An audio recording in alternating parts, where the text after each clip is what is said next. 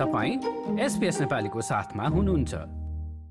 करिब दुई वर्ष अस्ट्रेलियाली सीमा बन्द रहँदा थुप्रै व्यवसायहरू कामदार अभावका कारण मारमा परेका थिए। आतिथ्यता र वृद्ध स्याहार क्षेत्र कामदार अभावका कारण सबैभन्दा बढी प्रभावित बनेका थिए। वृद्ध स्याहार केन्द्रहरूमा कर्मचारी अभावका कारण भएका कामदारमाथि दबाव त बढेकै थियो कतिपय सो क्षेत्रबाट पलायन हुँदै गएका थिए। एन्जलिकेयर सिडनीका प्रमुख कार्यकारी अधिकृत साइमन मिलर कामदारहरूले सो क्षेत्रमा काम गर्न नखोज्नुले ठूलो समस्या परेको बताउँछन् There's been a report recently that there's around 65,000 workers are leaving the sector uh, every year, uh, and we're not immune from that. So we're seeing people leave the sector. It's been a tough time, uh, and we need to fill the gaps.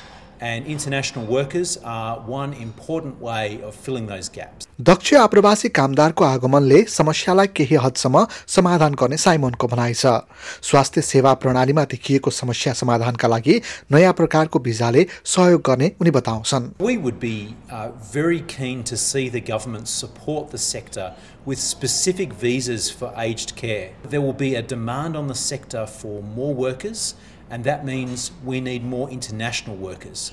We need a specific visa introduced in order to help fill that gap. कामदार अभावको समस्या समाधानका लागि सरकारले स्थायी भिजाको सङ्ख्यालाई थप गर्न छलफल अगाडि बढाइरहेको बताएको छ रोजगार मन्त्री ब्रेन्डन ओ कोनर देशमा देखिएको कामदार अभावको समस्या समाधानका लागि सरकार प्रतिबद्ध रहेको बताउँछन् We're open to making sure we supply labour and skills in this country.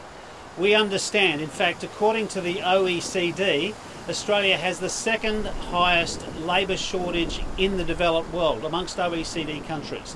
It's for that reason we have to find whatever means possible to supply skills to our labour market. महामारी अघि स्थायी भिजाका लागि एक लाख नब्बे हजार स्थानहरू तोकिएका थिए। सन् दुई हजार उन्नाइसमा यो सङ्ख्यालाई केही कम गर्दै सरकारले वर्षेनी एक लाख साठी हजार स्थायी भिजा दिने बताएको थियो। अहिले पनि उक्त सङ्ख्या कायमै छ तर यसले वर्षेनी थपिने आप्रवासीहरूको वास्तविक सङ्ख्या भने बताउँदैन। किनकि यसले अस्ट्रेलिया छाडेर जाने आप्रवासीहरूको सङ्ख्यालाई गणना गर्दैन। महामारीका बेला सीमा बन्दका कारण नयाँ आप्रवासी भित्र नपाउँदा आप्रवासीको कुल संख्या नकारात्मक बन्न पुगेको थियो। मन्त्री ओ कोनर दक्ष कामदारलाई अस्ट्रेलिया भित्र दिने मात्र नभई यहाँ रहिरहेका कामदारलाई पनि त्यसमा समेटिनु पर्नेमा जोड दिन्छन्।